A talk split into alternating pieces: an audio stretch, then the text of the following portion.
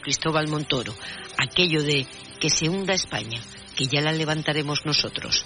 Caretas fuera. Y en 10 minutos el abierto. Con Javier Aroca, Elisa de la Nuez y Carlos Sánchez. 8 y 20 minutos de la mañana, 7 y 20 en Canarias. Cadena Ser Catalunya.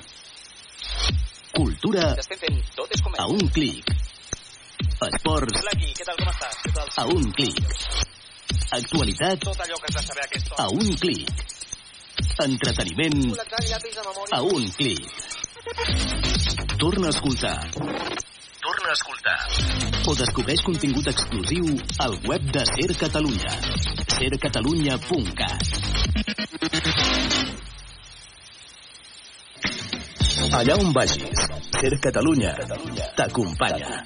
Escolta Ser Catalunya en directe des de qualsevol lloc amb l'aplicació de la cadena Ser. Ser Catalunya. Som a tot arreu. Som al teu costat. Descarrega't l'app de la SER i busca Ser Catalunya.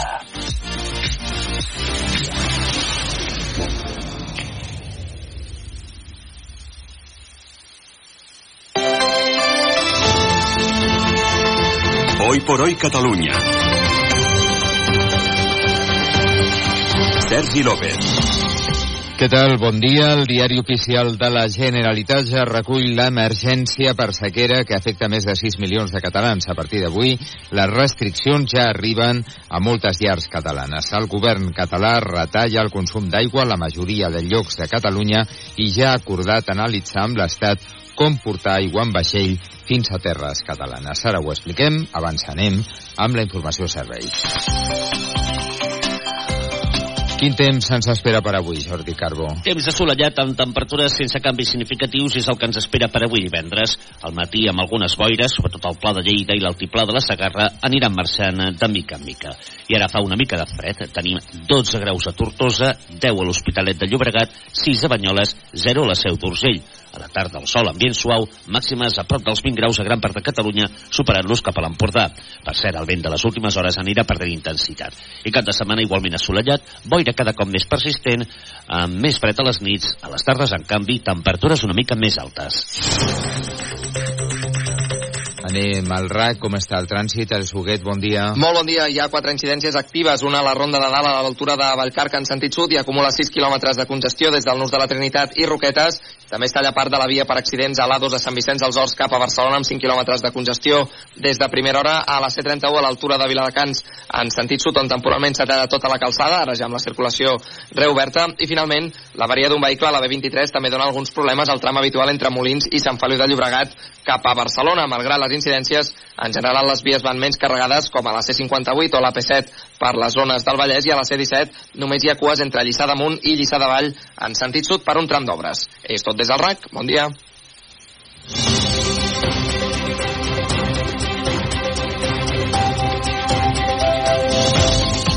8 i 23 minuts. Carles Couso, bon dia. Bon divendres, Sergi. Gairebé 6 milions de catalans ja han entrat en situació d'emergència per sequera. Això implica que sumant el que gastem a casa i el que consumeix la indústria, l'agricultura, la ramaderia i els espais d'oci, el consum no pot superar el llindar dels 200 litres per persona i dia. Des del govern no descarten cap escenari, tampoc el de portar aigua en vaixell cap a Catalunya. El conseller Mascort ha anunciat que dilluns es reunirà a Barcelona amb la ministra de Transició Ecològica, Teresa Rivera, amb qui està treballant diferents escenaris, també el de portar aigua amb vaixells fins a Barcelona. Que no és tan rellevant d'on ve, sinó que quan la necessitem la puguem anar a buscar de pressa per portar-la i ho tinguem tot a punt. I per tant, estic convençut, portarem aigua eh, segur, si cal portar-ne a Barcelona. El govern assegura que la sequera és la pitjor del darrer segle i la lluita contra la falta d'aigua la principal prioritat del govern. Les restriccions que preveu l'escenari d'emergència es comencen a aplicar avui mateix. I els més afectats seran els pagesos perquè a partir d'ara només es podran gastar el 20% de l'aigua que utilitzen habitualment. El ramader és la meitat i la indústria un 75%. Amb tots els detalls, la Mònica Peinado. Les piscines només es podran omplir si és amb aigua del mar. El rec de les zones verdes privades està prohibit i el dels parcs i jardins es pot fer o bé amb aigua freàtica o regenerada. A més, mentre duri l'emergència, la Generalitat deixarà en suspens les llicències per obrir noves activitats econòmiques. L'Agència Catalana de l'Aigua també ha reduït el cabal ecològic del Llobregat i el Ter i això li ha suposat una denúncia dels ecologistes davant Fiscalia. El conseller d'Acció Climàtica ha recordat que aquesta opció la contempla el pla de sequera i diu que la defensarà on calgui també als tribunals. Fins a aquest moment, l'Agència Catalana de l'Aigua ha obert un centenar d'expedients sancionadors als ajuntaments que estan gastant més aigua de la que toca. El conseller d'Acció Climàtica ha dit que continuaran donant ajuts als ajuntaments per modernitzar les seves xarxes de distribució d'aigua per evitar fuites i també ha dit que en els darrers mesos s'han obert un centenar d'expedients sancionadors als municipis que consumeixen més aigua de la permesa. El conseller s'ha queixat que alguns dels ajuntaments que tenen la xarxa en pitjor estat i necessiten fer més inversions fa anys que mantenen congelades les tarifes de l'aigua. La sequera, el gran tema que ens ocupa, l'altre, l'amnistia. Hoy por hoy Catalunya. Pedro Sánchez garanteix que la llei d'amnistia inclourà tots els independentistes encausats. Sí, el president del govern nega que es pugui relacionar l'independentisme amb el terrorisme, una tesi que recolza la Generalitat i Junts per Catalunya. Bueno, pues como todo el mundo sabe, como todo el mundo sabe, el independentismo catalán no es terrorismo, no lo es.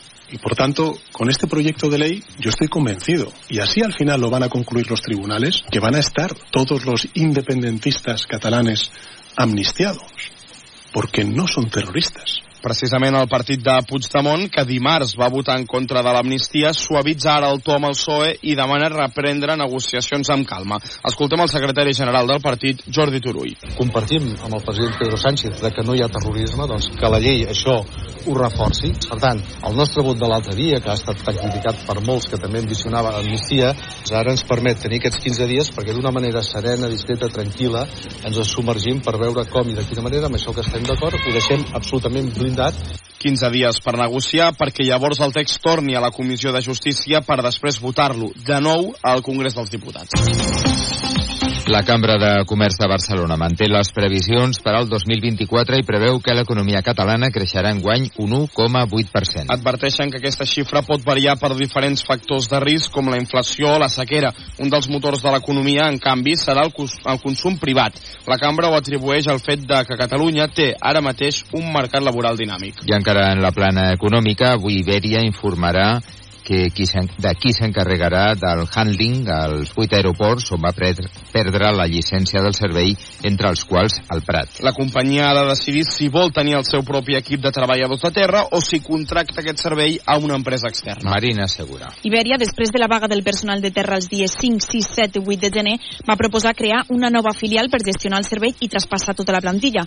La proposta conservava els drets laborals sense cap canvi, segons l'empresa, però s'acompanyava d'un pla de viabilitat que suposava la sortida de 1.700 treballadors entre baixes incentivades i prejubilacions fins l'any 2026. Ara Iberia ha de dir si manté aquesta proposta i fa autohandling amb aquestes conseqüències o s'externalitza el servei.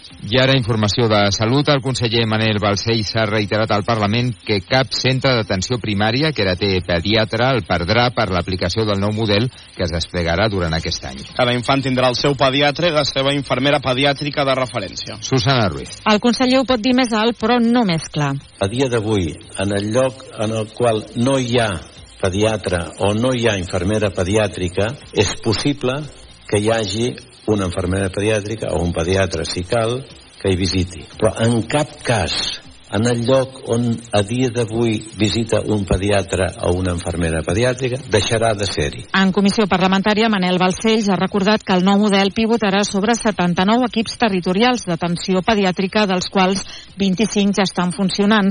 Els equips s'aniran definint segons les característiques de cada realitat territorial, atenent a factors com població infantil, nivell socioeconòmic o transport públic.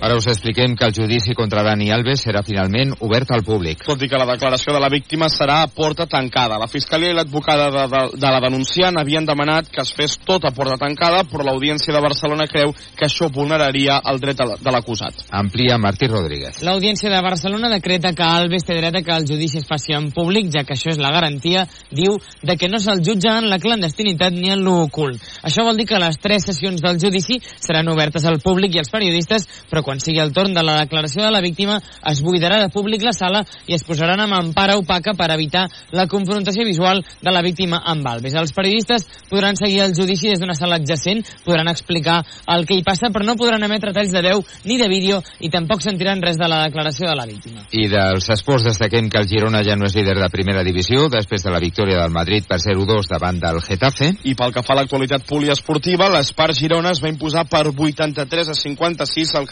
Cadillaceu a la Lliga Endesa de bàsquet femení. Aquest cap de setmana, novament, molt més esport en viu.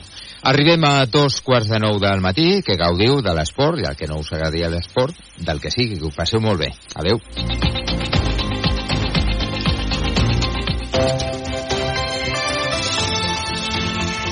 En la cadena Ser, hoy por hoy, con Ángeles Barceló. Son las ocho y media de la mañana, las siete y media en Canarias. CaixaBank patrocina este espacio. Tiempo para el análisis, tiempo para el abierto en esta mañana de viernes. Terminamos semana con Elisa de la Nuez. ¿Qué tal? Muy buenos días. ¿Qué tal? Buenos días. Con Carlos Sánchez, buenos días. Muy buenos días. Y con Javier Aroca, muy buenos días. Buenos días. Recordábamos esta mañana que hoy es el día de la marmota y decíamos, bueno, sí, sí, que es el día de la marmota, porque ha empezado una nueva campaña electoral para las primeras elecciones de este año, que va a haber unas cuantas. Las elecciones en Galicia. Empezó la campaña a medianoche, recordemos, los gallegos y las gallegas votarán el día 18 de febrero. Así que lo primero es irnos a Galicia. El jefe de contenidos de Radio Galicia, Ricardo Rodríguez. Richie, ¿qué tal? Muy buenos días. Hola Ángeles, buenos días. Y en los minutos previos, porque a las nueve empieza, o sea, es empezar campaña